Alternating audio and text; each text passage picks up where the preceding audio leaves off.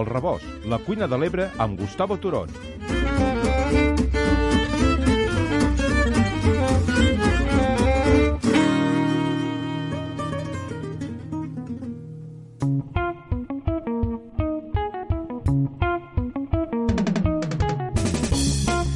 Som a dimarts, els dimarts és el dia que dediquem a parlar, que dediquem el nostre programa a parlar de gastronomia i ho fem sempre amb la companyia de Gustavo Turón. Gustavo, bon dia i benvingut. Molt bon dia, Eduard. Bona rebella, bona rebella. Hasta nit. Hasta nit. Avui, avui és un dia important en el, en el món gastronòmic, en el sector gastronòmic, perquè hi ha Sí. molta gent que va de celebració. Sí, senyor. Eh, I és el primer dia bo, ara ho comentàvem fora d'antena, que després de, de Reis ha sigut l'únic dia en cara i ulls en què els pastelers nostres Sí, estan sí, sí. oberts. Per això avui tenim a un amic col·laborador del programa, perquè ja podem dir col·laborador, Sí, perquè sí. ha vingut moltes vegades, Valero Munter de Ribarroja i Pasteleria a Mora d'Ebre. Benvingut, Valero. Estàs caminant. Bon dia. Bon dia. estem? Què tal, a tope de feina? Bueno, sí, avui és un dia... Bueno, avui és el dia de venda, però ja portem molts dies elaborant coques. Uh -huh. Ara, ja, ara, ja, me- ara ja m'assento. la sentes, te movies pel pasillo de l'obrador que el tens eh, detrás de la cafeteria i ara estàs a la cafeteria. Estàs Sí, a la, a, sí, ha sigut a la, a la, a la pastisseria o cafeteria, dili com vulguis, sí. molt bé. I què tal, com està la gent? Pues bueno, la gent es veu que ja s'ha tret lo, lo malviure, el malson, i sembla que ja estigui tot més controlat i la gent, pues bueno, hi ha les mateixes comandes que l'any passat. Això pues té, Sí, te, te dona una pau després de lo que han viscut de Pasqua, uah, perquè hem perdut molts diners, no? molts, molts. No us ho vull dir perquè si no se'ls fotia el pèl de punta. està Hem clar. perdut molts diners i, de, i clar, la gent de restauració igual. La gent de restauració pitjor que nosaltres encara. Sí, sí. És pitjor perquè n'hi ha que no han pogut obrir, no? Al no tindre terrassa, d'estiu ni res, ho tenen Sí. malament, malament, eh? I d'aquí els animo a que, bueno, els dono molts ànims, no puc dir res més. Valero, ho aixecarem, ho Veuen aixecarem una això o no? situació complicada. Digues, Eduard, digues. Dic, ho, aixec ho aixecarem això o no, Valero? Què creus tu? Ets, ets optimista? Com? Ets, ets optimista? Creus que ho aixecarem això? La salvarem la situació a partir d'ara? Me, poso a la saleta de dintre que tinc i allí, que no hi ha ningú, perquè aquí està ple de gent a la pastisseria, Va, poso la saleta de dintre i així podré estar més. La terrassa, què? La terrassa. Hi ha gent? Terrassa, sí, sort de la terrassa, eh? Surt, surt un poc a la terrassa, que la veuríem. Surt un Eh? poc a la terrassa i després entres dins, si vols. Sí. aquí, Sí, home. els nostres oients, eh, els expliquem que estem fent aquesta connexió via, via una aplicació telemàtica, en aquest cas via Jitsi, i estem, Sí. veiem en les diferents pantalles d'una banda a Valero, de l'altra banda Gustavo, de l'altra banda estic jo, Sí. i per això a vegades comentem una mica el que estem veient, no? però val a dir que Sí. els nostres oients no ho veuen, eh? Ho hem d'anar No, no, no, no ho poden veure. Però Valero té una terrassa que s'ha vist obligat per, per la nova normativa a ampliar-la. Eh, és, és tota la vorera, que és una vorera molt ampla que teniu aquí a, a, Mora d'Ebre, i llavors té la cafeteria de dins i l'obrador, tot adossat. Ara està a l'oficina, ara estàs a l'oficina. No, ara estic a, tinc una sala interior per Sí. sí. celebracions, si ho podeu veure, es veu Ah, jo. Sí, sí, sí, sí, sí, tant. sí, sí. I amb aquesta saleta ara estic aquí, caben 15 o 20 persones, i estic aquí eh, xerrant amb vosaltres perquè fora hi ha gent i no, no, no, no, No, no entens res. El trànsit. Valero, Valero, No, eh, eh, el- l'èxit, com sempre, és que, que els de Barcelona surtin, si surten, però si surten en coneixement, llavors tot anirà bé, perquè són els que... Hi ha milions de persones allí, aquí són quatre del cabo. mm, Llavors, quan surten ells, doncs se nota, no? Eh, Te demanen horxates, ja volen granitzats, ja més pa, més tal... És increïble. Llàstima que no es tinguessin Barcelona més a prop, eh? Perquè són rondallà. Els agrada rondar, no? I gastar, I gastar, sí. i gastar. Viure- Consumir, diríem consumir. Clar, viure en una gran capital deu ser dur, no? I Sí. tots són pisos petitets i quan surten aquí, doncs, bueno, clar, eh, el que volen és llibertat? I és així, és així. Estos dies m'ho hem donat compte justament d'això, no? de que sempre hem estat un, un poble que mos han queixat eh, tradicionalment perquè hem estat deixats de l'administració, perquè les comunicacions Oh. són dolentes, per tot, per, vaja, què us he de dir, per totes aquestes reivindicacions històriques i donat la situació, resulta que ha de vindre un virus, una pandèmia, per explicar-nos que estem molt millor, molt millor en molts aspectes que, que la gent de ciutat. No sé si estareu Ara d'acord. es comentava que molta gent de ciutat, com hi ha perill de que hi hagi una, un rebrot, i eh, se, se compraran vivendes eh, aquí al nostre territori. Ai, que llavors ens pot vindre una avalanxa de gent. Eh, Ai, trobes que pot ser això, Valero? Bueno, jo he sentit comentaris de que gent de Barcelona que ja els hi ha anat malament el tema del negoci, s'estan eh, plantejant jubilar-se i com eh, els traspassos no podran treure gaire cosa, eh, decideixen eh, anar a viure a llocs de per aquí de Tarragona, això és cert. Clar, viure a Barcelona a dues persones jubilades és molt car, eh, si no tens Uh-huh. negoci. Llavors, doncs, bueno, eh, aquí podran viure dignament, perquè tot és molt més barat, tot és molt més còmode, més pràctic, no necessites bus, no necessites pues, anar caminant a tots els llocs. No? Jo no sé si serà bo o dolent, però bueno, que vingui gent doncs és, és positiu, no? perquè almenys hi ha consumisme i, Sí. i, bueno, i la convivència també és bonica, no? perquè penseu que aquí, eh, a l'època del, de la crisi del 73, a la Ribera d'Ebre, que tot, tot el món estava pringat, aquí això era un oasis, era la nuclear, i aquí es guanyaven uns sous terribles. I aquí no, no vam enterar que havia la crisi de, del, del 73, Gustavo. Tu te'n deus recordar. Eduard, no, que és més jove. Sí. sí. Llavors aquí Sí, pues, sí. va haver un oasis amb el tema de la nuclear, electroquímica de Flix, Aircross, l'Ener a Ribarroja, que ara és Endesa, la fàbrica de... Ai, perdó, la, la, la presa de, de, de, de Flix, bueno, tot això, el temes de nuclears, eh, empreses de serveis. Això era un... Amor aquí, que hi ha una empresa potent de, de peix, es diu Amobimbe, Uh -huh. realment li demora peix. Però bueno, eh, què ha fet? Què ha passat aquí? Sou havia una una- comarca industrial. Sí, però la, De les fet? quatre comarques, la més industrial. Sí, i la que produeix més energia d'Espanya. Eh, què ha passat? Pues que la gent s'ha jubilat i ha marxat. Ha marxat pues, a viure fora.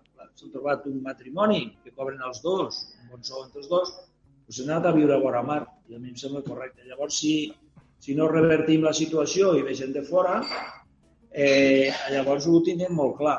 Clar. M'explico? Perquè si no hi ha gent no hi ha consumisme i llavors no, no, no, no, no és sostenible tindre una pastisseria, un bar, una restauració, eh, una sabateria, una llibreria, el que sigui. Enteneu? Això, això passa als pobles petits. Costa molt Mm. mantenir el comerç. Eh, Bueno, nosaltres, Valero, de, fet, de fet, si em permets, vivim de, vivim de la comarca. Sí. No vivim solament de Mora, o Mora la Nova, o Mora d'Ebre. Vivim de, de, de les comarques. També gent de, que és molt bonic que vingui gent de Margalet, Home, tant. de La Palma, que ja són pobles que són limítrofes a Lleida, que no van a Lleida perquè hi ha, la, hi ha, el, hi ha el Montsant, i venen cap aquí a comprar, o de la Franja, això és molt bonic. O de Vandellós mateix, tinc molts clients de Vandellós. Això té, té, té honra, té, té, té, té, te dona energia per seguir lluitant, perquè veus que la gent t'estima i això és el que et queda, el que té negoci te queda això. Valero, Mora d'Ebre sempre ha exercit de capital de comarca, Eduard. Ha Sí. sigut Mhm. un capitalitzador de tots els pobles de la comarca de la Ribera, però també del Priorat i també potser d'alguns pobles de Lleida inclús, no? I Sí. potser de la part de la Terra Alta.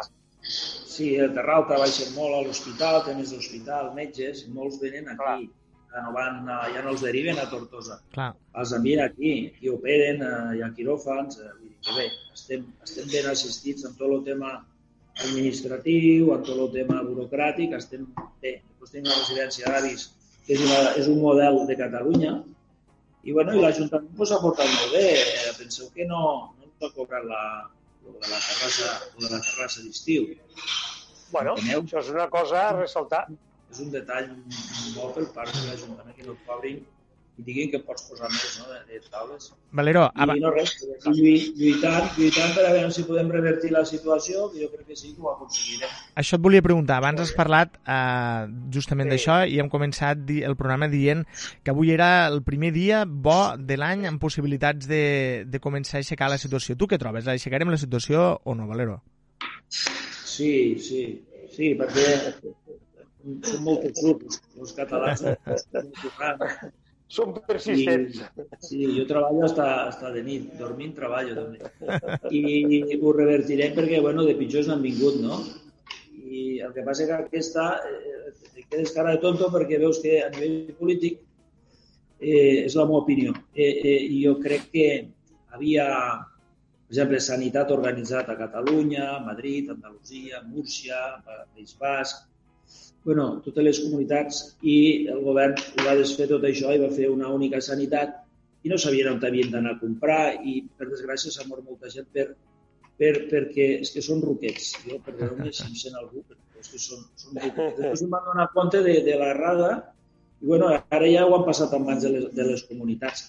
Però és que això, quan les coses estan muntades, no les has de desmuntar. No? I dir, no sé, no. Quan una cosa va bé, no es toca mai, diuen. Una llei de comerç. I, bueno, els polítics són així de xulos i sí. aquí tothom podem ser polítics, eh? Jo puc ser president del govern, tu, Gustavo, sí. també. Sí. I l'Eduard també. A l'Eduard ho deixem fer de vicepresident. Però de científic, científic no pot, no pot arribar a tothom a ser científic, investigador, un metge, M'enteneu el que us vull dir? I tant. No, perquè es necessita la formació. Eh, la, la, van, la van, van patinar molt, van patinar molt durant, durant un mes, un mes i mig. Però bueno, ara ja el mal ja està fet, i ara cal tots juntar-nos i, i, i, i donar-li la volta a tot aquest tema. Jo, Eduard, com eh, avui és eh, Sant Joan, hem de parlar de coques, és evident. Coques. Quantes, quins tipus de coca fas? Eh... Bueno, fem, fem llardons. llardons. Eh, les de llardons, les de llardons normalment me les agafa la gent de Barcelona. Val? Sí. Sí. És típic de Barcelona, de llardons, aquí no. Després n'hi fem amb, amb coca amb pinyons i sucre, després n'hi fem amb crema, amb fruita... Amb, amb... Stop, para un moment. Has dit pinyons, però tu gastes pinyó nacional. Hombre, això falta, faltaria vale? més.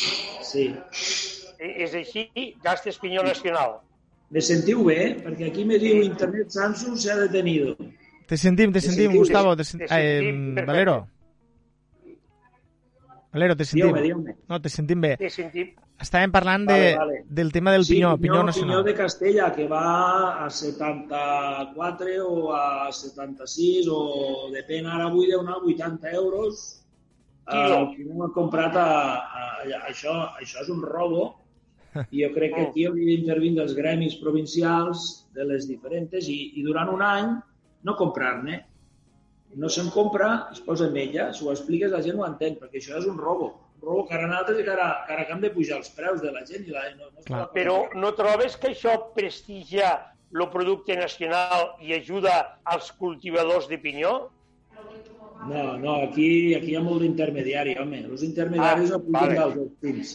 Està clar. Però ha de, vale. ha de, ser una cosa, ha de ser una cosa que estigui apanyada perquè fa un any o dos anaven a 40, puja quasi el doble. Això no és normal. Jo no he pujat el preu el doble. Eh? Clar. la gasolina vale el doble, és el que s'apuja més.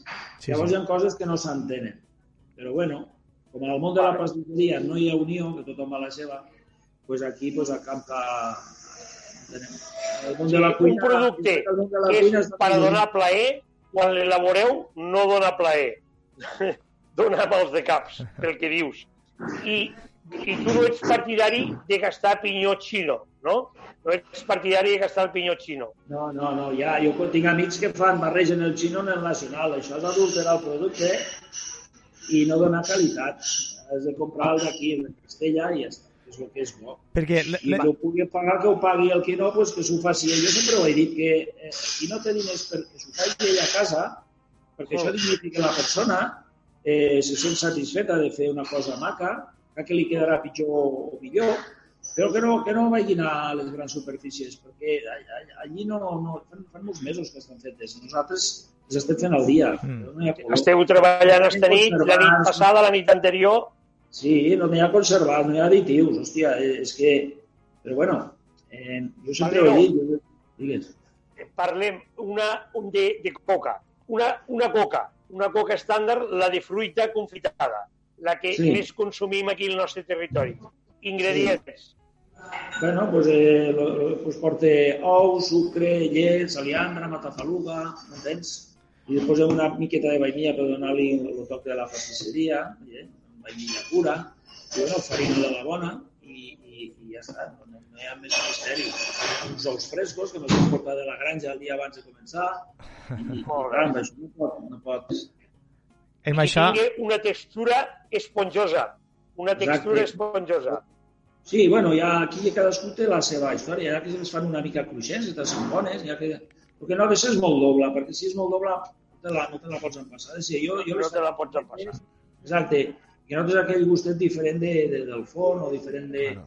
Dius, hòstia, és, té, té un sabor diferent. I la, I la crema igual, té un sabor a un pequet a, llimona, no? Vull dir, li ha de donar una mica de, de, de gràcia i alegria. Valero, Eduard té la mà aixecada. Sí, jo- Vol dir alguna cosa. jo vull parlar, perquè ho, cada any passa el mateix, quan arriba el dia de Sant Joan es parla de coques, eh, de cop, fins i tot dins de la mateixa família, dins de la mateixa família se divideix la gent entre persones partidàries de la fruita confitada i persones partidàries i persones que són... Vaig cap dintre a veure, controlar, a veure que estigui tot bé. Sí, sí, tranquil. Sí, controla, controla. Eh, doncs això, això que et dia, Has sentit el que diu Eduard? No, et dia que eh, quan arriba Sant Joan i quan arriben les coques, quan les coques se posen a taula, eh, les famílies s'hi divideixen en persones que els agrada la fruita confitada i persones que no la poden suportar. Eh, Sí. Mentre que en altres dolços eh, hi ha unanimitat, en el tema de les coques, la fruita confitada, no sé si t'ho notes tu, hi ha gent que et demana coques sense fruita confitada? Bueno, hi ha gent que me demana mi, eh, mitat crema. Ara, per exemple, ara n'hem de fer unes que són mitat crema i mitat eh, confitura. Mm, Val. que bo. Però, Suposo que la família, deu, que li agrada la confitura, menja la confitura i el que li agrada s'ho divideixen així. però la fruita Bueno, confitada... agafen diferents sabors, n'agafen dos de diferents sabors i, i, i, i ja està. Vull dir, no, no hi ha més. No hi ha més. Com pots variar dels tamanys, sí.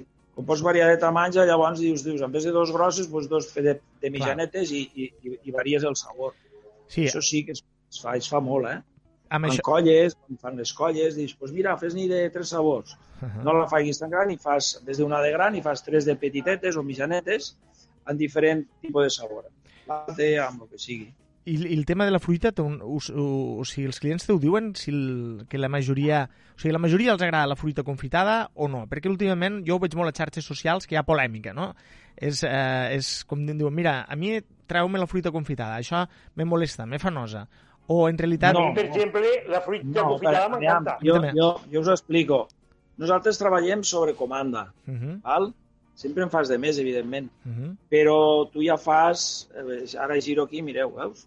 Veu, veu aquí els Sí. lletreros? Veu? Tot això està ple Sí. de, de, De comandes. comandes. De comandes de crema, de fruita Ah. gran, un altre diu jo la vull de mitjana, jo la vull en llardons, jo la vull amb cabell d'àngel, de full, amb llardons, sense llardons, amb pinyons, sense... Bueno, en fi, això és un rosario de l'aurora. Jo per a set persones, jo per a vuit, jo per a deu, i bueno, doncs ja ho tinc. Llavors tots queden contents, sí, en això sí. Veus? Ara Esta... sí. Veus, sempre- Eduard, la diferència Ho d'un hipermercat o supermercat en un pastisser? Un, hiper, un supermercat són totes d'un tipus o de dos. Aquí Sí. tu t'adaptes a cada client. A cada client, sí, sí, Sí, sí. ho estava- ja ha ho vingut, estava no fa gaire ha vingut gent i, pues, bueno, que són clients i no havien pensat de guardar-la, pues, bueno, i fer el que aquí han fet eh, la gent que tinc, pues, el que han pogut per ells, pues, s'ho mereixen, no? I tant. No hi van pensar, pues, eh, jota, senta't aquí un quart d'hora i te la monto, com tenim massa, la montem ràpid.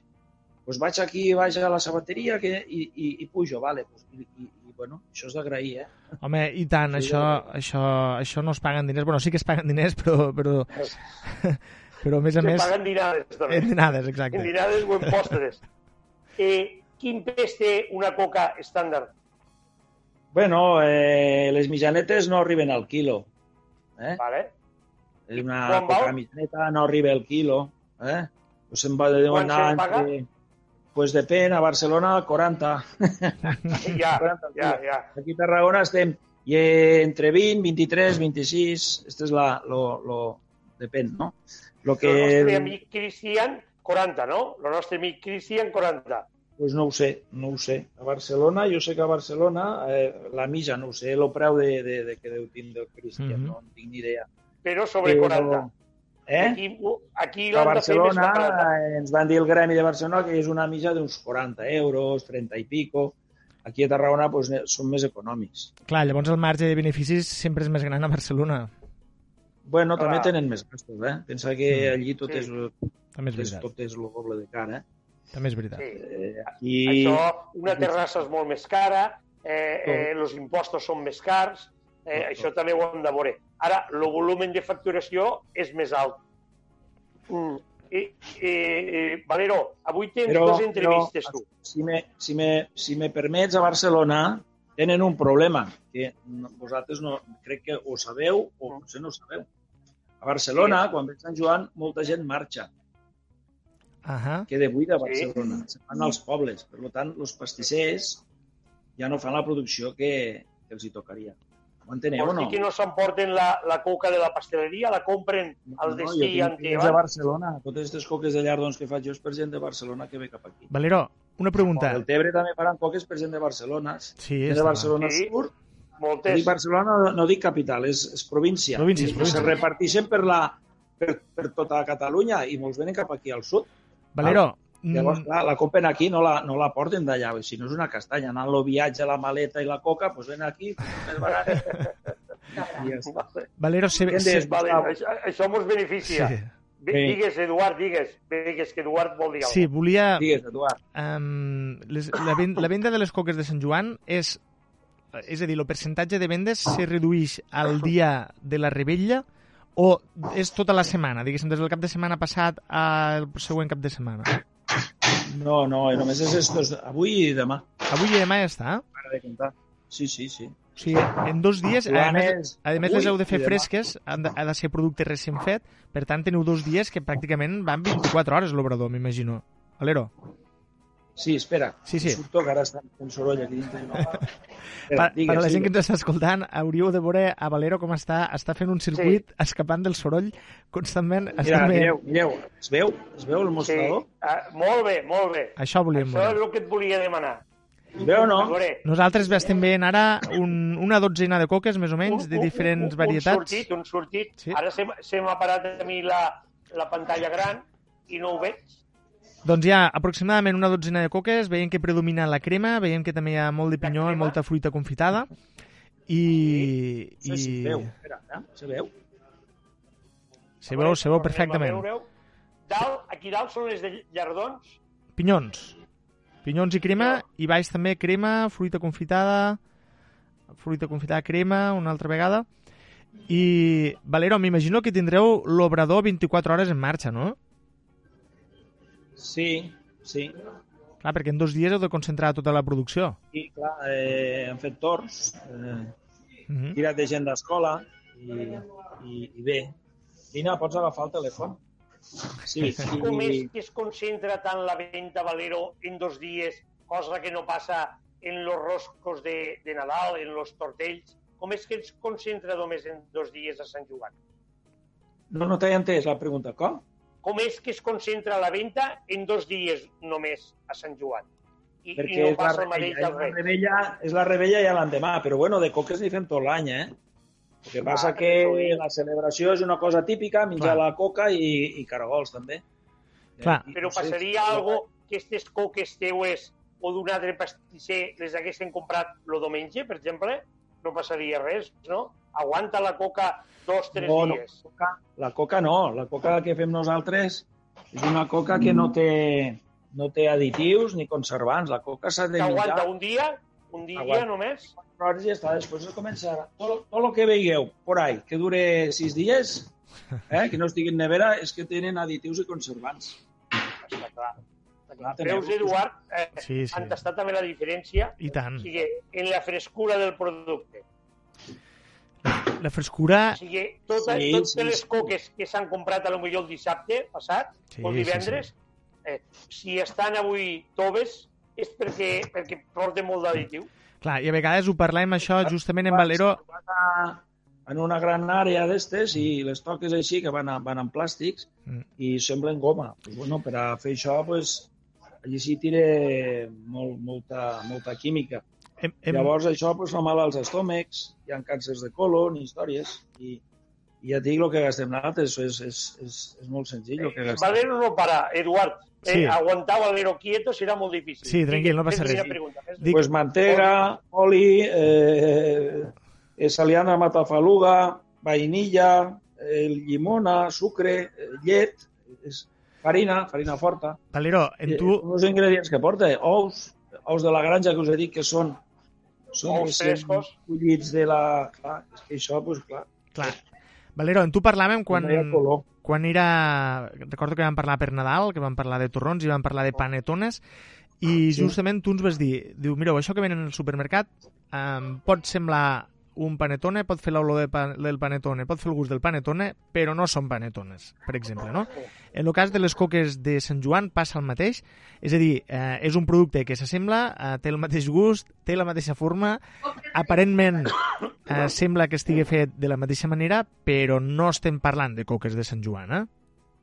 Bueno, és, un, és una cosa que s'hi sembla, però no, no té res a veure. Mhm.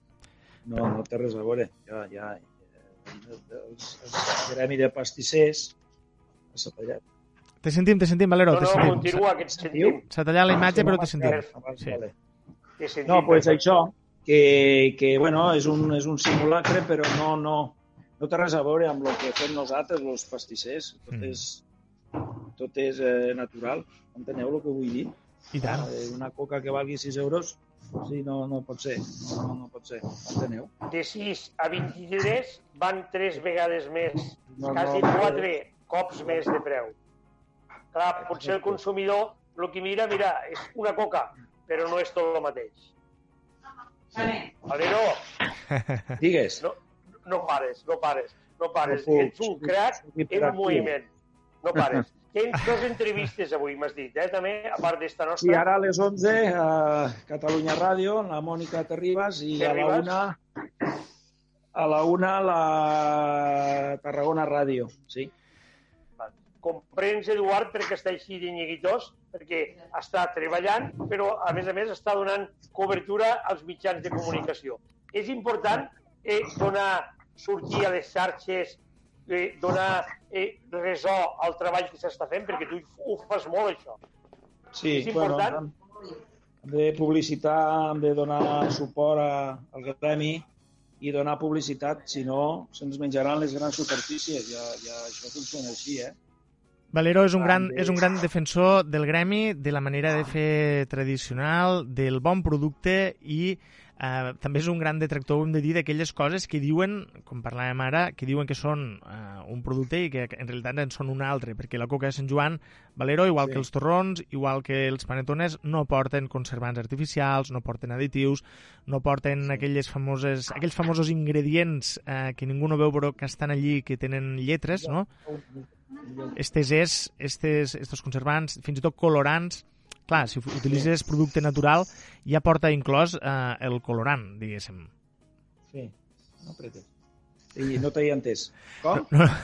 és que, és que el, el que estic fent és... eh, Ojo, eh? Sí, sí. Estic treballant, donant ordres aquí, i no vosaltres, eh? Estem, estem vivint en directe el procés, el procés de, de com fan algunes de les coques. Estem veient a, Valero dirigint el seu equip ara mateix en la creació d'aquestes coques de Sant Joan, producte Eduard. estrella. Sí, ric, ric perquè eh, quan vam preparar aquest programa per a fer el dimarts vespre de Sant Joan, jo sabia que eh, eh, era un dia molt complicat i ara pues, tu ho pots veure, perquè podem veure el Valero com està actuant, i els nostres oients pues, potser se'n poden fer una idea del que és fer una entrevista en un home que està en moviment i que està en la llengua fora ara, traient la llengua dient que està ofegat. Eh, havien d'intervindre dos pastissers més, Valero, te ho dic, perquè són coneguts sí. per tu també, eh, el Dani Cabrera de, de, de l'Ampolla no Sí. pot, no ha pogut, va dir que no podia perquè, perquè està com tu, a tope, i Sí. després Gerard Fresquet que em va dir sempre complixo Gustavo, d'aquí un saludo als dos, però esta Mhm. vegada és que anem de cul que no sé si dormiré tampoc. I suposo que tu estàs així. Esta nit, quan a nit me vas enviar el missatge, dius, vaig a dormir que estic rebentat. I esta matí Sí. que no t'has aixecat, Pues a les 5, amb estàvem aquí, ja. a les 5. I eren les 12 o la 1 quan te vas tirar al llit. Pues era les 12 ben bé. Sí, les no 12, sí, devien ser 11 i mitja, 12. Sí. Una recomanació per als consumidors. Eh, a part de que mm, eh, trien la pastisseria. Trien la pastisseria de baix de casa, la del poble, ara és un moment per apoyar. Una recomanació que tu vulguis fer ara de cara a, esta, esta, a aquesta nit i de cara a la compra de la coca. Pues bueno, que comprin coca d'aquí, coca catalana, Sí. que la reguin amb un bon cava català i ja està. I llavors... Vale. Quin cava ficaries? Quin cava? Que això ho vam parlar-ho. Quin cava? Un rosat? Un blanc? Torello Mata, hi ha el de l'amic també Aterroca, n'hi ha molts. Ah, Ramona, hi ha molts Recaredo, que sóc molt amics Sí. del Recaredo també. N'hi ha molts de bons, eh? hi ha Erta, moltíssims caves bons. Moltíssims. Moltíssims. Sí. Eh, un cava rosat o un cava blanc? eh, Que facin el que vulguen, no? No, los, do, los dos són, són prou bons, eh? Els dos encaixen perfectament. Però a mi... I un cava dolç. Jo soc de blanc, eh? I, i un cava dolç. No, no Sí. dolç. Eh, saps que eh, Llopart, la família Llopart, ne tenen Sí. un que es diu mi microcosmos, Sí, que és dolç. sí, Eh, aniria bé este cava? Sí, també, eh? perfecte. Vale, vale. Molt bé, tot, tot el que és qualitat va dir. Tot va dir. Jo te, te No. vull despertar los, los Eh, instints. Eduard, tu estàs aquí, eh? Ah, estic aquí, estic aquí, us escolto parlar. Cap a les 11 i, i sento que piten pel telèfon. Igual me truquen Sí. ja de l'altra cadena. Vale. pues, escolta, ara veig a, a la teua filla és o la teua dona que s'ha ficat de, al costat teu? La filla. Hola, Hola. hola. Qui, Guapa, o és una empleada? No, és la filla. Ah, la filla, hola, no et coneixia. Eh? La- Bueno, aj ajudant i donant suport a la família, a tota la família volcada, eh? I Què és menjant, això? I menjant, i menjant, diu, i I gaudint. menjant. menjant. Molt bé, molt bé.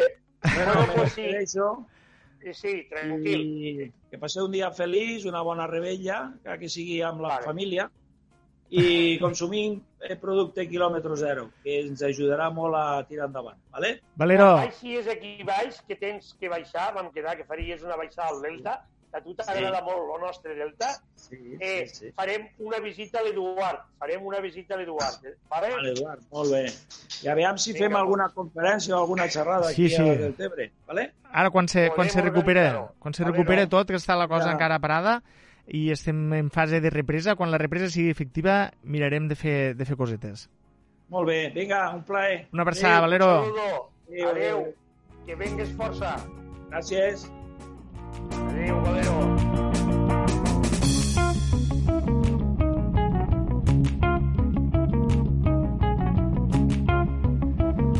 Gustavo, seguim aquí al, Sí. al rebost. Uh, venim d'escoltar a Valero, tot un professional, uh, en Sí. plena, a més a més, en plena, en plena faena. Efervescència de treball. Sí, exacte. Sí, ha sigut una entrevista atípica.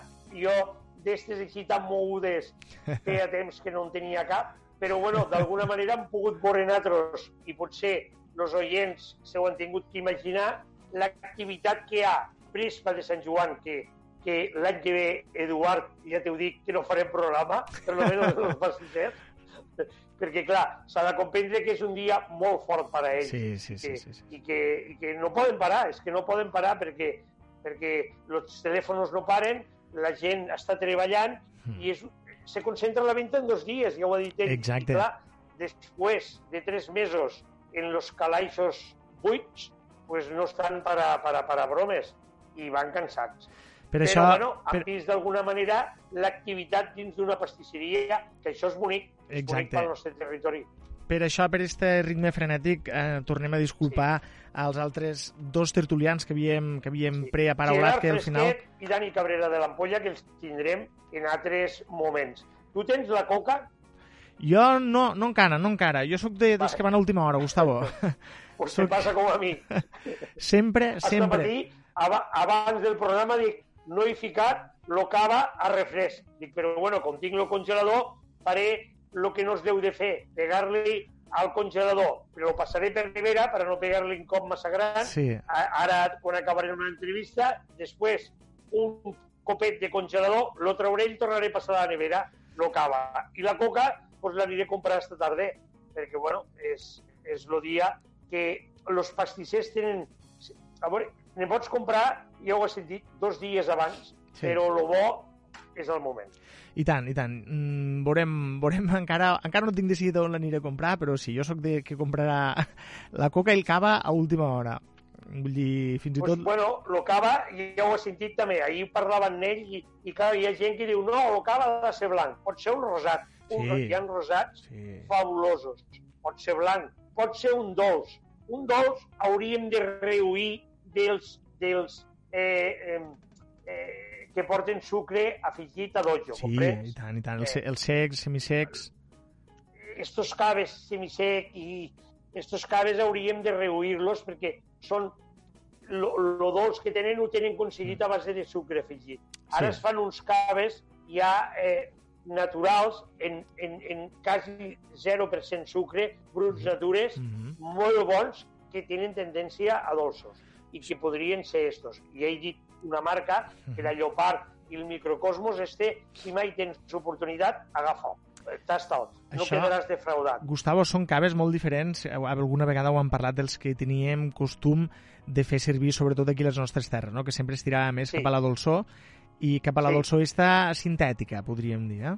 Sí. No, a veure, era la cultura que teníem i l'ensenyança. Hasta que no van arribar els bruts i bruts natures, doncs nosaltres no, no havien ensenyat. Teníem una fàbrica que elaborava, eh, nosaltres diem xampany, perquè encara s'utilitzava la Mhm. paraula xampany, a Godall, i, claro, elaborava pues, semisecs, Clar. carregats de dolçor, i allò dolç pues, era el que mos entrava. Encara hi ha molta gent que li segueixen agradant. Ja saps que de contragustos Exacte, No hi ha no, res no hi ha res. I a més a més, gent que els hi senta fins i tot bé. Vull dir, jo a mi, Sí, per exemple, estos sí. no em solen sentar bé. Eh, clar, jo, per exemple, este nit tinc un sopar eh, amb uns amics Uh -huh. i, claro, eh, eh, pues ja tinc el cava seleccionat i en ells ja els agraden els brut natures. Nosaltres tirarem de brut nature Clar. i farem, eh, no, no, no, farem un mateix cava des de principi fins a final, perquè hi ha gent eh, que també li costa això de- d'anar canviant de vi. Eh, diu que es desorienten. A mi m'agrada, m'agrada perquè vaig provant coses i si és gent que, que li agrada això, doncs jugues este joc. Però si no, es dius, mira, comencem en un cava i s'ha acabat el tema. El que passa que un brut nature molt sec, perquè són molt secs, clar, quan Mhm. arriba la dolçor de, de la coca, per exemple, o dels dolços o dels gelats, què passa? Se menja, aquella sequedat és massa sec Sí, i, sí, sí. i, i, i no notes el que acaba. Queda anul·lat completament perquè és totalment sec. Necessitaria este punt d'un cava dolç que Així és. també se podria acabar, ahir ho parlava en un restaurador, en una mistela del nostre territori. I eh? tant, un vi dolç. Brutals, Sí, sí, brutals. sí, sí. Tant sigui un dolç natural com naturalment dolç. Gustavo, Vale. hem d'anar a escoltar els butlletins Sí. informatius que ens ha preparat Sí. Leonor Bertomeu i tornem de seguida a la segona hora del recapte i del rebost. Fins ara. Molt bé, estarà. El rebost, la cuina de l'Ebre amb Gustavo Turón.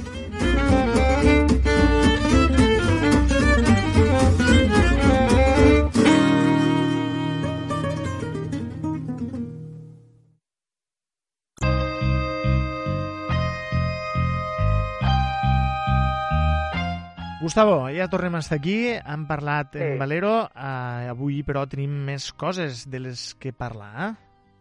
Sí, una primera és que ara tu parlaves de si existeixen los oyents de Radio Delta i del programa El Rebost. Eh, sí, existeixen. Ho sé, ho sé, Me pregunten, Ho sé, ho sé. me pregunten i em dona alegria perquè dic, bueno, mos escolta gent i s'interessen i els agrada. Agrada la gastronomia, agrada el nostre programa. Per tant, a ells dediquem els dos programes. I tant, ho he dit una mica en ironia, Sí. perquè no estem, Sí. estem parlant d'oients, no de fans. Eh? Això, això de fans No, és, un altre, és un altre nivell, encara, encara no hem arribat. De moment Estem estem... en una època de, de, de, de les xarxes, de moltíssima informació. Abans eh, la informació arribava en contagotes Mm. i, claro, és evident que competim a, a gran escala hi ha moltíssima informació. Però, bueno, hi ha gent que segueix encara apostant pels mitjans tradicionals com és la ràdio I tant. i segueix escoltant. I ara, avui, ja havíem parlat de Valero i havíem encetat en pasteleria, eh, perquè les coques de Sant Joan són pasteleria, i anem a parlar dels orígens de la pasteleria francesa. Eh, una de les pasteleries, no una, sinó la més preuada del món. Tenim Sí. la pasteleria Sí, sí. espanyola, dins de l'espanyola la pasteleria catalana, la pasteleria italiana, la pasteleria suïssa, però la francesa, i allí diríem, va començar tot. Contigo empezó todo. I per què? Per què? Per què podríem dir? Doncs pues mira, en part perquè França era un imperi. També ho era Espanya, també ho va ser-ho Alemanya, evidentment també ho ha sigut Inglaterra fins fa quatre dies i Sí. encara segueixen mantenint part d'imperi. Però Inglaterra no ha tingut este ressò que va tindre França.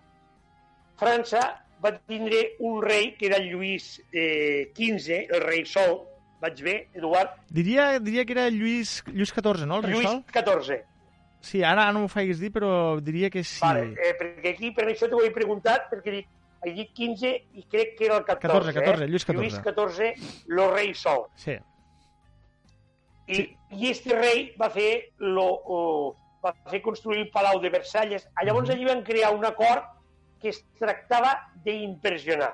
Si m'ho anéssim a història atrás, potser m'ho aniríem als egipcis, potser m'ho aniríem als romans en el seu esplendor, a la reina de Saba, potser m'ho aniríem a estos reinos que el que tractaven era d'impressionar.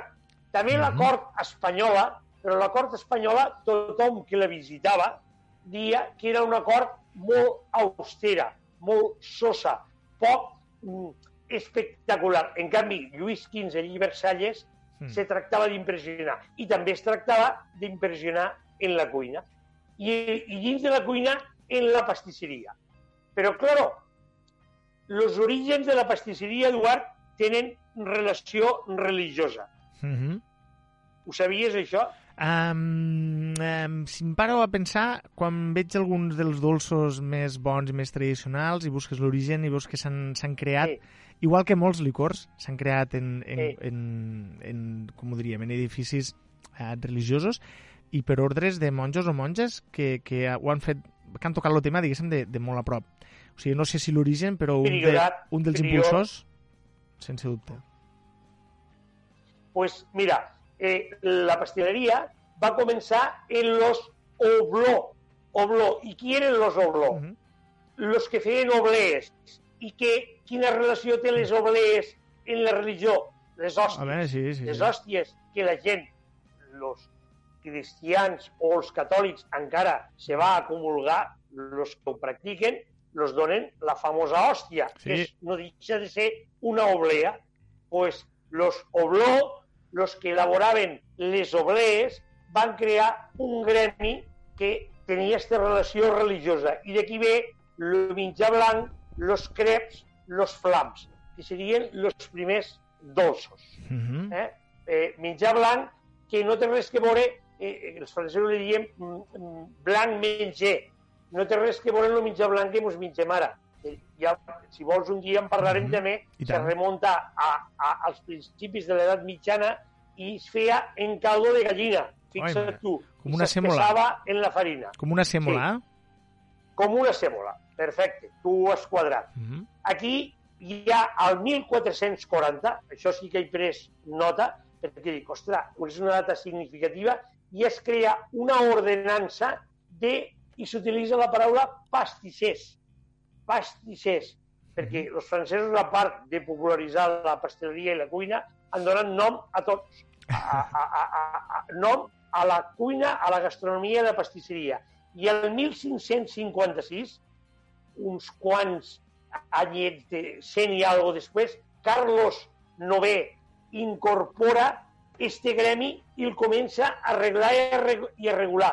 Parlem que la corona espanyola i els catalans comerciàvem, anàvem a fer les Amèriques, ells ja arreglaven per gremis los, la pasteleria. I d'aquí surten i popularitzen los gelats i pastissos de l'època.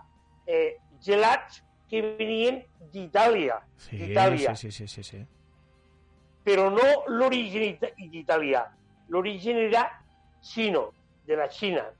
De la Xina, Marco Polo ja s'explica que en un viatge als emperadors, a part de la pólvora, també va arribar en contacte als gelats. El que passa que els italians ho van popularitzar. Aquí va haver un matrimoni de l'època, Catalina de Médicis, los Médicis Sí. eren una família que es dedicaven a la pintura, a la cultura, a la literatura, en una època... A fomentar-ho, fomentar-ho, sí. Pagaven, Sí. pagaven a, a la gent que, perquè s'hi digués, exacte. Eren benefactors. Sí, I sí. clar, se casa Catalina de Médicis i Enrique II de França. I llavors, aquesta cultura benefactora mm, de la, de, de la literatura i de més, Mhm. també passa a la cuina. I porten los gelats. És Mm. l'època de la pasta brisa, eh? la pasta brisa, Pasta eh, brisa. és l'època dels gelats, és l'època del xocolate. El Ep. xocolate, també un plaer que ve d'Amèrica del Sud, que la van portar los espanyols Ne podem parlar d'això, del xocolate i del cafè, que i del cafè. com, com s'hi vivia eh, com l'arribada del, del xocolate i del cafè a Barcelona eh, el baró de Maldà, el llibre Calaix de Sastre, em sembla, o, no me'n recordo com es deia el llibre, del baró de Maldà, parlava d'això, no? d'estos productes que arribaven d'allà de Sud-amèrica, que eren completament exòtics i que no tenen res a veure el consum a com es, consumi, com es consumissin avui en dia. No, los azteques lo consumien habitualment, lo consumien a cerimònies també religioses, lo bevien com el dient la beguda dels déus Sí. i bevien, era begut. Eh, D'això se'n van donar compte els espanyols i van portar les baies de cacau aquí Sí, i van sí, començar a elaborar. I llavors eh, eh, parlem del segle XVII, Anna d'Àustria lo porta de la corona espanyola cap a la cort francesa. Uh -huh. I, i, i dins d'este, eh, que et dia jo, mm, lo Palau de Versalles, en tota aquesta pompa que hi havia, se consumia el xocolate. És l'època que Battle, també Vatel, un noble francès, S'ha fet una pel·lícula, una pel·lícula en Gerard Depardieu. vale, doncs veus, jo, i mira que m'agrada el cinema, Uh -huh. pues la desconeixia. Eh, Podem sona esta pel·lícula, em sona, Sí, sí. però veus, no, no, no, no l'havia vist. Gerard jo Depardieu- la font la tinc per, Gerard per Depardieu, altres llocs. pues Gerard Depardieu fa Gerard de, Depardieu. fa de batel i Pues fa de, ell- de cuiner, clar, eh, en tot el compromís que significa ser el cuiner de l'acord, no? de l'acord. Pues, i, eh, és quan s'inventa la nata chantilly, en honor al Ahà. castell del mateix nom. Si has vist la pel·lícula, pot ser un nombre.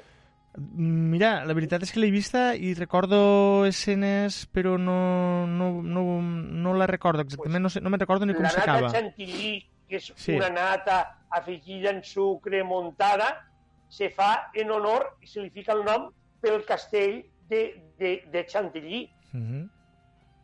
Pensa que és una, és una pel·lícula d'èxit, Digues, eh, digues. Gustavo? En, en, en aquella, en Uma Thurman, en Gerard Depardieu, en música Pues no d'Ennio vist, no no Morricone, en Tim Roth també, amb tota una sèrie d'actors, una pel·lícula que va guanyar el César al millor decorat. Uh, I per Pues decorats no també, vist. també compta el menjar, eh? No. Hi ha unes taulades de menjar espectaculars. la que va fer, ara parlant de pel·lícules, per Mhm. dir que a vegades que no l'he no vist, l'he tingut que anar veient a trossos per internet i no l'he acabat. La que va fer Stanley Kubrick d'època. Barry Lyndon, Barry sí. Lyndon. Barry Lyndon, correcte. Sí. ostres, quin, quina vergonya que no hagi vist una pel·lícula de l'Stanley Kubrick. Jo no l'he vist cada, tampoc. Vale, pues cada una d'ell és una obra mestra. Sí. eh, Senderos de Glòria és una obra mestra antibilicista. Quan no es feien pel·lícules antibelicistes, Sí, sí, sí, abans sí, dels sí. anys 60, bueno, eh, eh, la xaqueta metàl·lica, que després ho va ser més moderna, Sí. però Barry Lyndon no l'he vist. I ara, esta de Gerard Depardieu Esta- recordar a Barry Lyndon. T'ho dic perquè el tema gastronòmic, eh, clar, és una pel·lícula que, en la qual eh, Batel ha d'organitzar eh, sense, sense reparar en gastos una recepció de 3 dies i 3 nits. És a dir, són 3 dies i 3 nits de menjar i no menjar coses normals, sinó, a més a més, has de ser creatiu, has de ser vis visual, espectacular, i has de, com dius tu, impressionar no? a, a tothom. I la cort francesa tractava constantment d'impressionar. Era una cort, Mhm. eh, ja et dic, la castellana era molt Austera? austera. jo inclús anava a dir uranya, Sí. anava a dir uranya, tothom que visitava la cort castellana dia això. Eh, la inglesa era molt protocolària, era molt de, molt de protocol, però l'espectacular que deixava la gent bocabodada en quant a events era la francesa. Era la francesa. Per això tot se va moure allí. Sigle XVI, Mm. mm. los monjos de Nancy i 20 los almendrats. Eh? El pintor Claude Forrené, eh, uns dissenys més tard, l'Hojaldre, l'Hojaldre.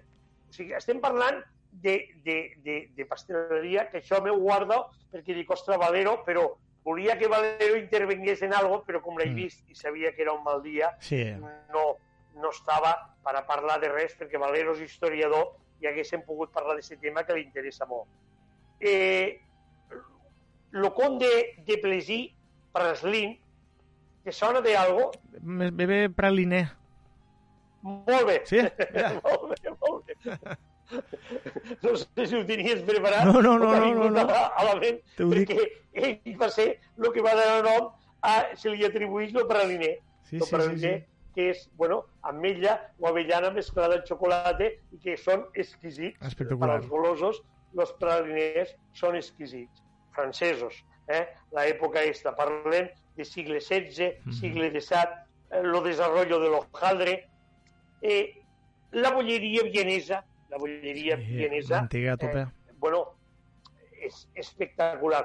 Tot això, tot això, Eduard, que han fet d'alguna manera un repàs molt ràpid, són els orígens de la pasteleria. Tots els devem a ells i hem après d'ells, encara que ells no ho han inventat, no han sigut els inventors Mhm. de tot. Perquè, clar, el croissant, per exemple, lo van... ah, I, van copiar, ho van els copiar. austríacs, Mm. que és d'esta època també, el croissant, eh, en una invasió dels otomans, eh, saps la història un Sí, poc sí, del sí. croissant? Sí, sí, sí. Pensava que havien estat els turcs, eh, justament, no, no els austríacs, però...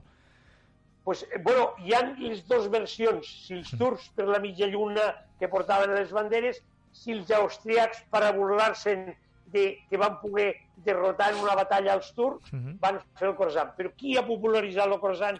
És quasi... Francesos. És el croissant i la baguette fan concursos. De, també els fem nosaltres, eh? Sí. Afortunadament ara, des de fa uns anys, a Catalunya, pues, també se fa, i a Barcelona. I... Però, clar, ells és que és una religió. El croissant per a ells és de matí una religió i són espectaculars. Eh? Nosaltres ara també haig de dir que estem fent grans coses en el croissant. Sí, Podem nombrar Gerard i Sí. podem nombrar m'agradaria, m'agradaria Saps, que el no? nombresses perquè justament vaig tindre la sort de provar eh, fa tres setmanes els nous croissants, diguéssim, de Gerard Fresquet i me vaig Sí. quedar... Eh, no sé com dir-t'ho. Eh, mira, me van agradar, me van agradar molt, me van agradar molt, Vale. molt. Gerard, això va per tu, perquè jo he provat lo de tiramisú. Sí, sí, sí. Ara te dic tiramisú i m'he quedat en el dubte si És- tiramisú o mascarpone. Mascarpone, mascarpone. Jo t'anava a dir lo de mascarpone. Mascarpone Vale. i lo de Kinder. Espectacular. Eh, bueno, me creixia la... Bueno, Sí. feia saliva per tots caps i cantons. I ma filla estava al costat provant lo de Nutella o nocilla. I el de Kinder, no? Té un de Kinder també, que jo també el vaig I provar. té un de Kinder, Boníssim. té un de Citrix, que jo també, també el vaig volia provar. decantar per ell, També però el dic, vaig bueno, provar. un altre dia, un altre dia. Eh, espectacular. Jo crec que ha sigut un pas endavant de la pasteleria fresquet aquí a casa nostra. Bueno, Deixa'm dir, Eh, Gustavo, està- deixa'm fer un apunt. Eh, vaig poder-ho, Sí. vaig poder provar-los eh, dins del context d'un tast clandestí dels que organitza Llucia Castanyo, eh, que Ah, feia un maridatge d'un parell de vins amb un parell de Sí. productes, un dels quals eren els croissants, eh, els nous croissants no, de, de Gerard Fresquet. Posant en valor, ho dic per posar en valor una mica la gent del nostre poble que fa coses i que crec que en aquest cas ve el cas parlar-ne. Eh? està clar. Eh, què, què vol dir això? Bé, jo sempre dic el mateix, que tothom ara ha de fer croissants, perquè també Dani, Dani Cabrera, també ho Mhm. fa, eh, en, en sabors, doncs no necessàriament. Eh, un pot fer el croissant que ell hagi fet sempre, com Exacte. per exemple el Jordi de la Flor, que també Que fa també doncs, són molt el croissant bons. de mantequilla, Sí. clàssic, sempre, i ja està. I o el croissant, que també el fa relleno en pernil dins, un Mhm. croissant salat, bueno, cada un ha de buscar el seu camí, però que la nostra gent també s'està movent molt. Eh, parlàvem de croissants i he nombrat la massa brisa, també es diu massa quebrada, Sí, sí, sí. Trencada. Per què? Perquè, com el nom diu, en seguida se trenca. Se trenca. A mi m'agrada molt perquè se t'apega de seguida el dit i després, ara, en el coronavirus, hem d'anar amb cuidado totes aquestes coses. Sí, sí, Abans, que, que te netejaves els dits de la llengua, que no quedava bé, però era molt golós. Era molt golós. La massa, eh, farina, mantequilla, i pot ser dolça o salada per utilitzar per a dolços o per a salats. Uh -huh. La nata chantilly, ja ho he comentat abans, és crema batuda en un poc de sucre, eh, perfumada i en vainilla.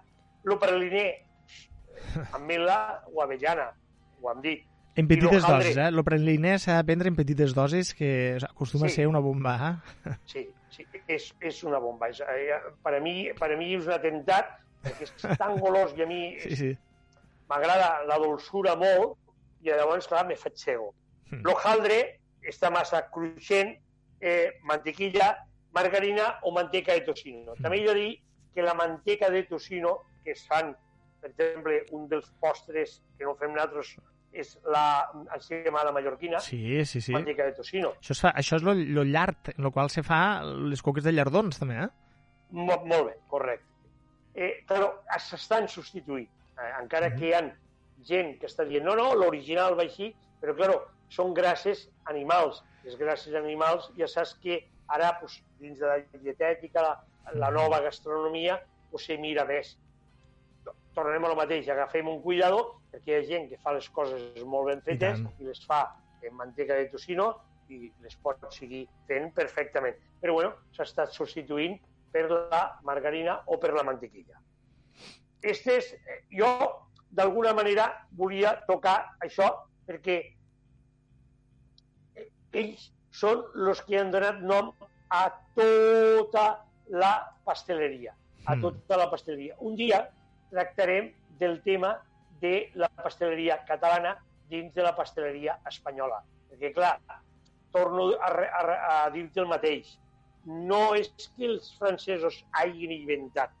Han popularitzat i el nom l'han fet popular de les coses. Mm. Perquè no oblidéssim que els grans pastelers de la història de la humanitat són els àrabs. I tant. La, la, la pasteleria és dolça i els dolços, les melasses, els sucres, les mels, les han manegat històricament, si m'on anem als orígens, els àrabs i els hebreus. Uh -huh. ¿Vale? Sí, els sí, sí. hebreus els tenim allí ficats entremig de països àrabs, però és molt rica la seva bolleria pasteleria. El que passa que, recordant lo mateix, mos anem als orígens de, de, de l'imperi francès, a Mhm. l'edat mitjana, quan l'imperi francès, segle XV, XVI, XVII, XVIII, estava a la cresta de la ola, sense tindre un gran imperi colonial com van arribar a tindre els inglesos, o com va tindre en cert moment, per un cort moment, Espanya, Uh -huh. però ells van tindre una cort molt fastuosa de molt, i donaven molta importància al menjar i, donaven import... i llavors van popularitzar. I encara avui, eh, bueno, comprar una pasteleria francesa eh, són exquisiteses Uh -huh. i després te'n recordes del preu, també. Eh? Sí. vale? sí, sí. Això tenim-ho present, eh? Tenim-ho present quan interessem a una pasteleria francesa, eh? Sí, que pa si no, pagues la matrícula. Pagues la matrícula, eh? Sí, perquè si Valero dia que la coca de Sant Joan a, a, a, a les nostres terres està sobre els 20 euros eh, i a Barcelona està sobre els 40, allà pot estar sobre els 60, Sí, sí, 70, sí, sí. 80. Sense, sense patir. Ara, Sense tu abans has fet referència a, al menjar, als dolços, no?, que nascuts a, a, als convents i abadies, i Sí. m'ha vingut al cap un local de Barcelona que es diu Caelum, sí que això queda a, a, a Barcelona, clar, no és de les nostres terres, però deixa'm que te, que te'l nombri, es diu Caelum, que, si no m'equivoco, vol dir... mm, A, a, una nom, cosa així com el cel, el cel, vale? cel, del cel, relacionat Vale, amb el cel, vale. I tenen mm, productes artesanals eh, fets pels, pels monjos i les monges. i és una pastisseria, un cafè, on tu pots prendre eh, el teu cafè amb, amb, per exemple, amb coques de les clarisses, amb, tipus, vaja, amb, el- amb elaborats dolços provinents eh, en la majoria de d'això. De convents. Sí, sí, sí, sí, sí, sí. I és, és, és espectacular. Vull dir, és Mhm. espectacular. Me l'apunto. Caelum. Caelum, Caelum. Sí, sí. Caelum, que això és... Eh, eh, eh, eh, eh, Llatí, com llatí. L'idioma que parlaven... eh? Com? llatí. Llatí. Llatí, bé. llatí. Me sonava a llatí. Mhm. eh? Caelum. Vale, pues, Eduard, si et sembla, com tenim una altra part, passem a l'altra part. Molt bé, Avui parlarem Deixem de la dones. pasteleria, deixem la pasteleria de banda, Sí, de moment, i anem a parlar de dones i cuina. sí.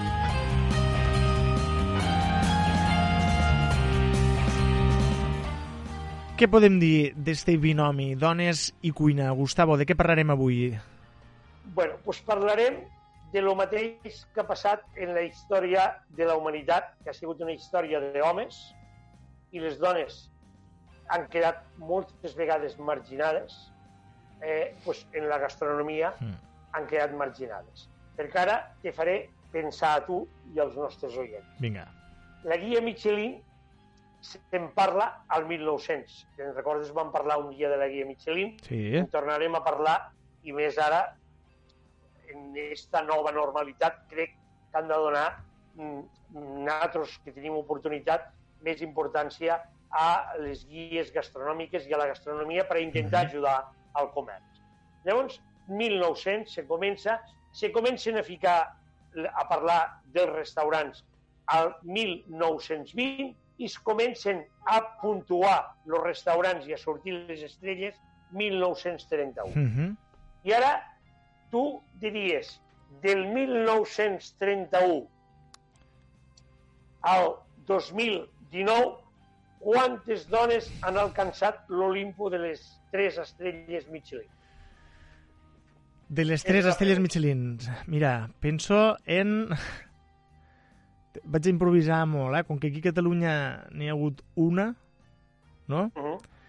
Sí, sí. Mm, diria... mm, Posa-li que a França potser com a molt n'hi ha hagut, per comparació, eh? Posa-li tres. Uh -huh. Uh, del 31 al, do, al 2020, eh? 20, Quasi sí. 100 anys. Mira, 10. 10. He Pues tirat bueno, llarg. t'has quedat curt en 3, n'hi ha 13. 13, però són molt 13. poques. Molt Són poques. molt poques. Tu mateix has dit, a Catalunya n'hi ha una, Sí. al País Basc n'hi ha una altra. Catalunya, Mhm. Carme Ruscallera, ara no hi és perquè va tancar el seu Sí. restaurant, D'aquí, però Japó continua. en dos estrelles, però Mhm. no en tres, Mhm, i el Moments que porta un fill, dos Mhm. estrelles, no en tres. mhm. Ara només mos queda en tota Espanya una dona, Al País Basc. perquè al País Basc, que és Elena Arzac, la filla de Joan Maria sí. Arzac. mhm. I a Madrid està Maria Marte, una xica molt bona, d'origen puertorriqueño, eh, que en té dos. No, hi- no hi ha dones en, a l'Olimpo de les tres estrelles, però és que en tot el món mundial n'han hi hagut 13, 13 que han tingut. Clar, a I tot el llavors, món, eh? la pregunta que ens hauríem de fer, després parlarem, perquè crec que com tenim temps i se ho mereix per reivindicar a la figura de la dona, també ho podem fer nosaltres dins de la gastronomia, parlarem de nom i apellidos d'aquestes 13 persones, dos ja les hem nombrat. Vinga, doncs. Per què trobes tu, Eduard, perquè t'agrada la gastronomia i, i la gent poguessin despertar l'interès, eh, no hi ha dones a, a l'Olimpo de, de, les estrelles Michelin i a l'alta gastronomia. Home, doncs perquè tradicionalment hem, hem viscut i encara continuem vivint malauradament en un món dominat només per, per homes que s'han imposat sobre les dones, que normalment quan han estat en sectors tipus això, tipus la cuina, han estat eh, empleades, manades i dirigides per altres homes i que no han pogut desenvolupar-se també per falta d'accés als estudis, per falta de recolzament familiar moltes vegades fins i tot, etc etc. Hi ha, són molts factors eh, comuns a tot el món i que encara avui, afortunadament el món de la cuina és un dels mons que més s'ha obert els últims anys en aquest sentit i allò de mujeres a la cocina, com aquell qui diu, um, no sé com dir-te-ho, um, ojalà en el sentit que puguen arribar a tindre eh, accés a aquests premis i aquestes distincions, no? Pues bueno, com tens mundologia, has viscut a Barcelona i t'has mogut per este món i tens inquietuds, ho has quadrat, ho has quadrat. És això. I a més a més t'has deixat un detall que jo te'l recordaré, que és que li han passat, la humanitat li han passat la cria dels fills, oh, i tant, la i tant. gestió de la casa a les dones. I a Sí, les sí. dones les han carregat en aquesta responsabilitat en una societat machista que Mm. l'home eh, no ha fet res quasi bé a casa i llavors, clar, la dona no ha pogut dedicar-se a este món Mm. tan sacrificat com és la La- gastronomia, perquè és molt sacrificat. Mira que dia Valero abans, clar, Mm. si ha de portar la casa, ha de portar el negoci, ha de portar... Ostres, no, ja, és que no pot, abans Sí, sí, se pica sí. un tiro. Sí, sí. Exa exagerant. I això han sigut bàsicament les raons que han fet que només hi hagi 13 dones a l'Olimpo de la gastronomia. Mhm. Ara, si vols, repassem un poc la història d'aquestes dones perquè hi ha un denominador comú que després també el podrem analitzar. Eh, Hi ha un denominador comú entre elles, encara que no es coneixen, algunes no s'han arribat a conèixer perquè són de diferents èpoques Mhm. i no s'han arribat a connectar, però el denominador quasi és comú que el parlarem al final. Ja comencem en les més antigues. Eh, L'any 1951, Margarita Bizet. Margarita... Eh, eh, no, perdona, perdona, perdona. Abans, abans. Mai, mai, m'he anat, anat massa per atrás. Anem a, al principi. Dos dones, dos dones que eh, franceses. Perquè, clar, aquí ve l'altra cosa.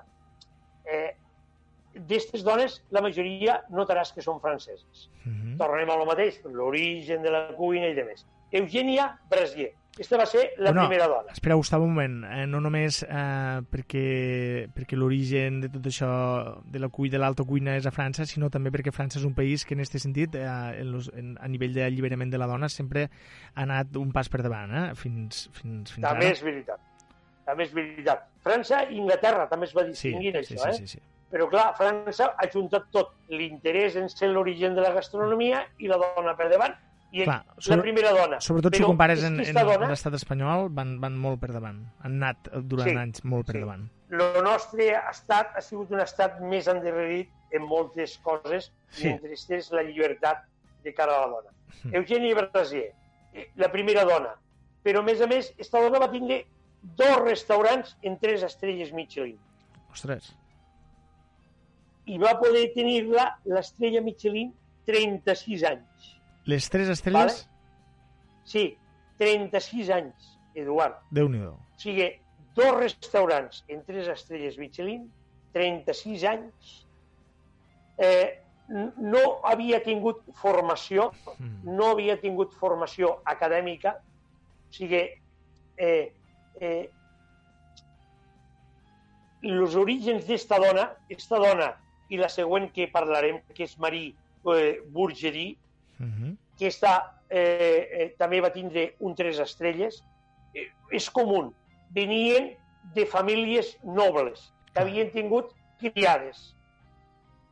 I les criades, clar, els nobles francesos, pues, les ensenyaven per la cuenta que les trae, per l'interès seu gastronòmic, a cuinar.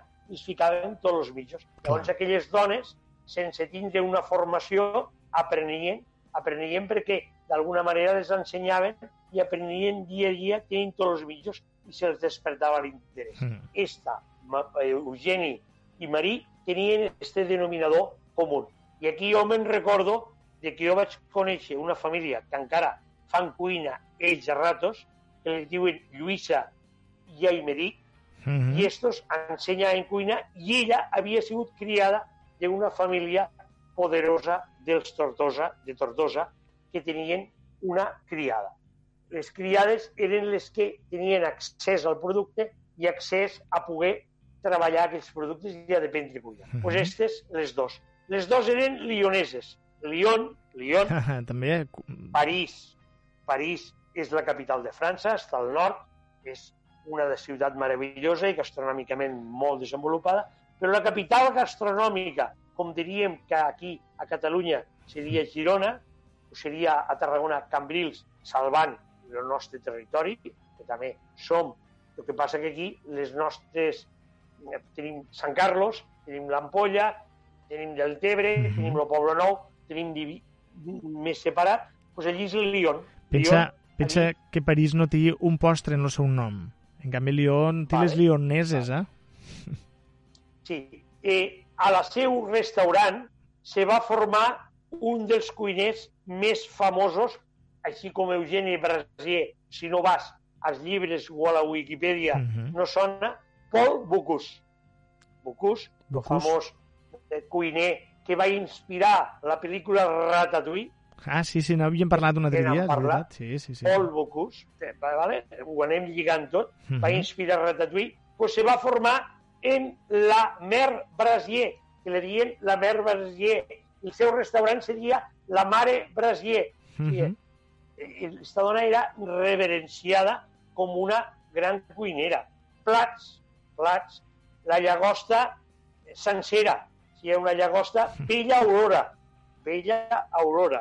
Era una llagosta sencera, però que es menjava com, a, com un postre dolç. Ostres, Sí, ostres. Sí, sí. És I mira és, és arriscat, una això. dona que parlem de principis del segle XX, banyada en brandy i crema. I llavors, clar, converties un producte, un crustàceo, que normalment molt mengem eh, com a aperitiu o molt mengem com a primer plat, eh, lo convertia en un dolç. Este era, la gent feia en peregrinatge a menjar este plat. Eh? La vella aurora. L'altra, una altra era la pularda eh, Mhm. eh, semiluto, en semiluto. Un plat icònic de- d'ella. Eh? Era una au feta a baixa temperatura, parlem dels anys 50, eh, Sí, Eduard? sí, sí, sí, sí, sí, Eh, la, això... La baixa temperatura, Pionera. i el cuinar un producte...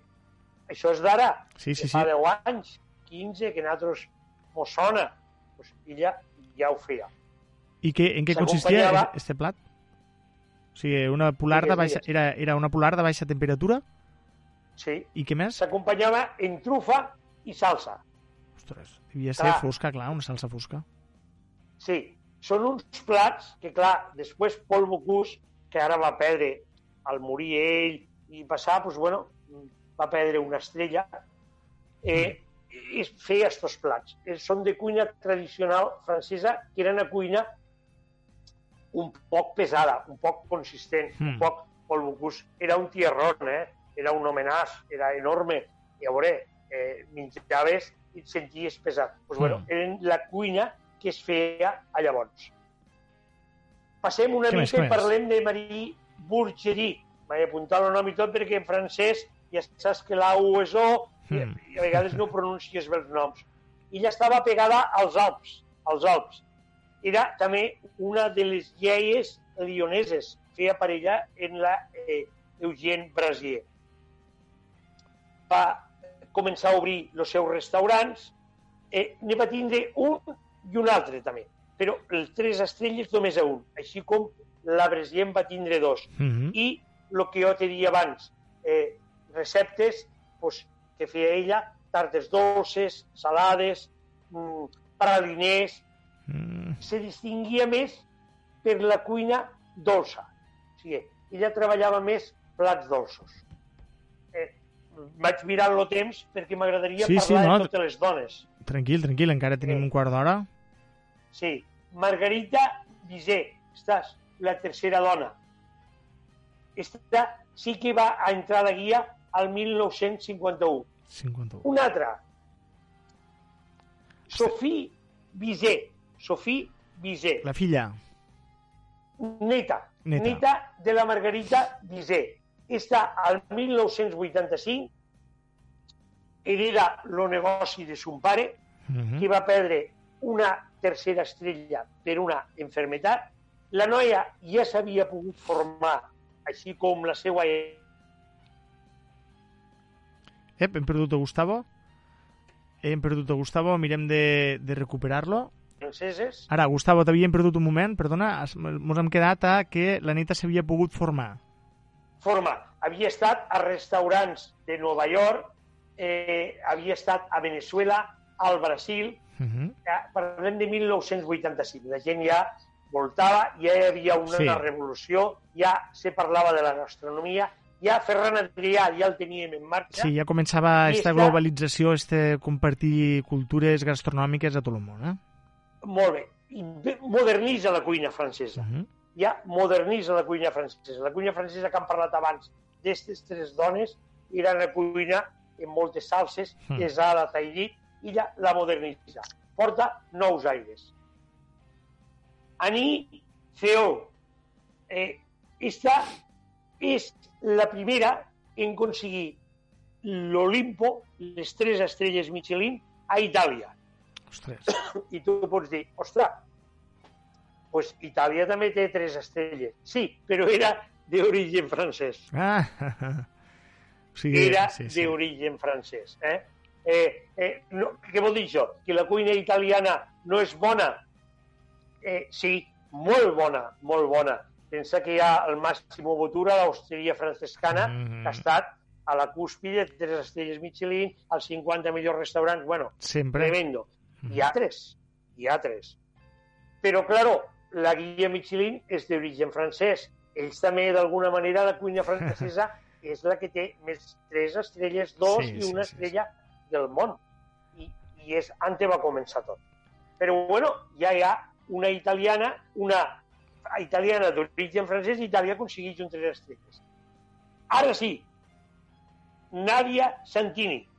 Esta és la primera dona no francesa d'antecedents francesos Mhm. en aconseguir eh, eh, la tres estrelles Michelin. Eh, Quants va anys... heredar un restaurant al 1910, però al 1974 comença a despuntar i arriba a tindre tres estrelles Michelin. O sigui, molts anys després, Lluïsa, eh? digues, digues. Dic molts anys després, perquè al final eh, costa tindre les tres estrelles, eh? No és en tres anys seguits, la majoria de, No. de restaurants. No, no. Lluïsa Marelli Balassa, la, una altra italiana. El nom és Marelli, Mhm. eh, Balassa, nom italià, eh, aconsegueix pujar a l'Olimpo. Elena Poulacca, que sona a rus, a txec, no? Grec, grec, Pues- turc... Vale, doncs t'has equivocat a la part de baix, has anat al. Mediterrani, hauran d'anar a Finlàndia. Ostres, Sí, és finlandesa. Ostres. Finlandesa. la cuina finlandesa és la gran desconeguda, eh? No, no en sabem pràcticament Sí. res. sí, se fan, se fan grans coses, grans coses. Però ella eh, mm, se ubica a Londres, a Londres, Mhm. eh? Aconsegueix l'estrella a Londres, al 2003. Dos anys després d'aconseguir les tres estrelles, tanca el restaurant i qui el compra? Pues Gordon Ramsay. Hombre, el chef lo Ramsay. cuiner- Sí, este cuiner americà famós per molts restaurants Sí. i famós per le, lo primer que va fer un programa de cuina Pesadilla en la cocina americà. Sí, sí, sí. Sabies? I tant, és un, és un xef molt estimat als Estats Units, eh, molt, res- molt, molt, vull dir, imagineu-vos el que podeu sentir per Chicote, doncs no, no, res, no té res a veure. Vull dir, és No. molt més. És, té un prestigi, una calidesa i una proximitat que, que costa molt, eh, en un país com els Estats Units, contentar tothom, Sí. i és molt Mira, estimat. aquí fe- fem una pausa, una pausa, tiempo. Mhm. Eh, lo que acabes de dir és molt important. Gordon Ramsay a Estats Units li fan la reverència. Sí, sí, sí, sí, sí. eh, eh, mm, els cuiners francesos, França, los té com un estament nacional. Sí, sí. I ara anem a natros. Natros, com som, com som, és el que he dit moltes vegades. Busquem tots els defectes.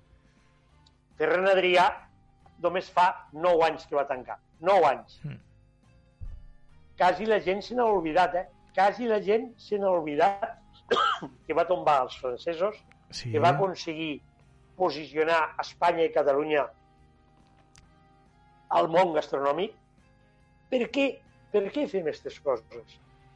Per què veiem els defectes i no veiem les virtuts de les persones? Per què som així? És el que ens hem de preguntar, eh? Mm. eh, no, eh, mos hem de preguntar i canviar, perquè mira que has dit tu, i per això he parat. Sí. Allà consideren a José Andrés, el nostre José Andrés, que aquí quasi no el coneix ningú, ¿vale? Mm -hmm. a Estats Units lo consideren també una reverència, Saps què passa? Que aquí... Una eminència. aquí mos agrada molt eh, aixecar nous ídols i ràpidament lo nou destrona el vell. A, a, a, a lo vell. I, i, el el, de, vell i el lo destrona enterrat sempre. Para sempre. El muerto hoyo i el vivo al bolló, diuen a Espanya. Sí, sí. Vale. Volia fer esta parada perquè m'ha paregut interessant el que has dit Eh? Mm de, sobre Gordon Ramsay d'Estats Units. Mhm. Bueno, Clara Smith. Clara Smith. Claro, mm, el pronunciament meu és nord-irlandesa. Sorprenent, també. -hmm. Irlanda del Nord, vale? Eh, Sempre- distingida i nomenada per altres coses. Sempre es critica el Regne Unit a nivell gastronòmic i en realitat Eh. Sí. el que haurien de criticar pot ser, i, i fins a cert punt, és Anglaterra, perquè la resta de països tenen una gastronomia rica, diversa i molt interessant. Molt interessant. Pues esta xica, eh, eh, esta dona, tres estrelles Michelin. Uh -huh. Tres Vale. estrelles Michelin a Irlanda. Per tant, A Irlanda. de moment tenim França, Itàlia, uh, Fi Finlàndia i Irlanda. Sí, i Irlanda. Ara jo he fet aquí un apartat especial perquè, perquè vull parlar, que ho hem parlat al principi, Uh -huh. els últims minuts de les dos nostres. Uh -huh. Una que era i ja no és, però que ha sigut, perquè ha sigut... Perdona, Eduard i Tranquil. els oients, però avui tinc la gola un poc castigada. Ai, mare. eh, Carme Ruscalleda, una dona que venia d'una xarcuteria, Sant Pol de Mar, Maresme, Uh -huh. que van convertir la xarcuteria en un restaurant, que era distinguit este restaurant perquè la via del tren passava per davant del restaurant mateix. Sabies Mhm. això? No, no ho sabia, no. La via del tren que va per la costa, Sí, sí. per la costa, pues passava per davant del restaurant. Me caig la mar, per davant del restaurant. O sigui, veies passar els trens i senties els trens. Però que va aconseguir tindre tres estrelles Michelin. Tres estrelles Michelin. I- Una dona, Lluís, Una dona en una manera de fet, anava a dir, molt especial i també Sí. molt, molt estimada. Una d'aquelles personalitats Sí. que, que impacten i queden, eh? perquè aquesta senzillesa i aquesta manera d'enfocar la seva feina, el sacrifici que han fet eh, tant ella com, la, com el seu el marit. seu home, com la seva família. Sí. Perquè aconseguir això a una societat com la que diem no és gens fàcil. No és. Però després, la dona, durant tres anys, va ser la dona del món mundial que més estrelles Michelin tenia sumant, perquè tenia tres al Sant Pol de Mar, al Maresme, dos al Mandarín Oriental, que tu Mhm, potser l'has vist alguna vegada al sí. Passeig de Gràcia, dalt, el portava son fill, Raúl Balam, i dos al Sant Pol de Tòquio, que Sí, era sí. una rèplica, és, perquè no tancat, una rèplica del Sant Pol de Mar de Maresme. Se... Recordes si he explicat la història del Sant Pol de Tòquio? No, no em sona. pues bueno, l'explicaré de la manera més breu possible. Uns eh, japonesos van anar a menjar al Sant Pol de Mar i es van enamorar de com un restaurant que li passava el tren i li passa encara avui perquè no l'han tombat per davant, en una població del Maresme havia aconseguit tres estrelles, com esta dona havia luchat, i els japonesos van dir que volien un restaurant com este a Tòquio. Per, Això per què no? Com- Per què no? A veure. conversar. I Carme va dir que no, que ella treballava aquí, que ja tenia prou feina i que la feina la tenia aquí i a Tòquio no se li havia perdut res. bueno, se'n van al Japó, eh, tornen, demanen reserva, els japonesos, i venen a menjar a casa seva, però van dir que vindrien en un paquet.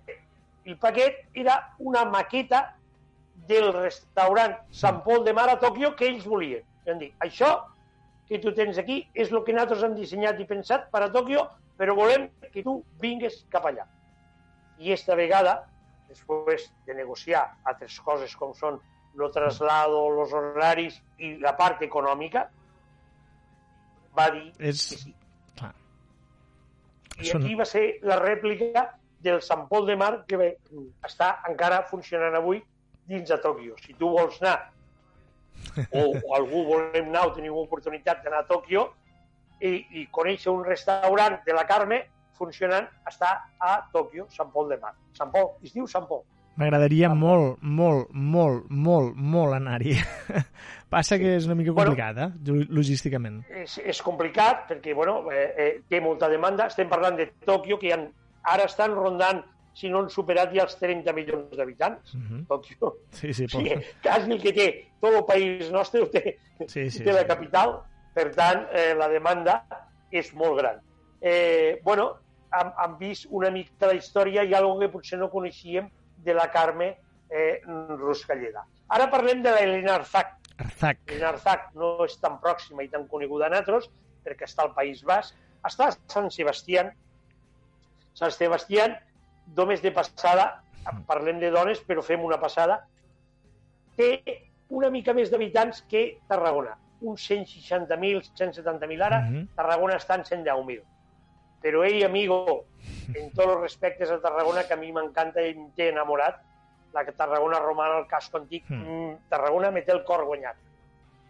Eh, gastronòmicament, hi ha tres, tres estrelles Michelin de, de, de, de homes i un que ara el porta una dona, que és Elena Arzac.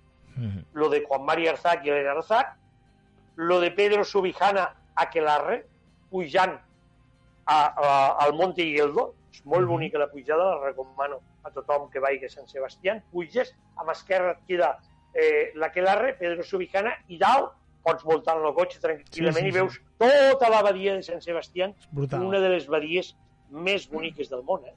Mm. Més boniques del món. Després de la del I fangar. després, oh, després de... Després de la del fangar. Ah, vale, molt bé, molt bé. Bona esta, sí senyor. Han d'aixecar el nostre amor propi. És molt bonica la badia, el fangar i la dels alfac. I tant. Eh, I llavors, abans d'arribar a Sant Sebastián, la Sarte, no res, cinc minutets de cotxe, eh, eh, Martín Berasategui. Això ja a Sant Sebastián, perquè et facis idea. Després hi ha les d'una estrella i de més. Pues allí està Helena, que ha heredat el restaurant del seu pare, l'estrella, lo tres estrelles Michelin més antic d'Espanya. Sí. Eh, 31 anys en mans d'ells, les, tres estrelles Michelin. Pues ara està regentat per la Helena Arzac. Recomano que encara que no es vagi i es pugui entrar al restaurant, més que sigui a veure el de fora, Hmm. més que sigui. Perquè lo de Pedro Subijana és molt xulo, perquè dona, eh, no a la part de la badia, però dona a la pujada al Monte Higueldo. Mm -hmm. Lo de Martín Berasategui és molt xulo perquè és un caserío, com no està dins de Sant Sebastián, és un caserío on el seu prado de davant és una xulada.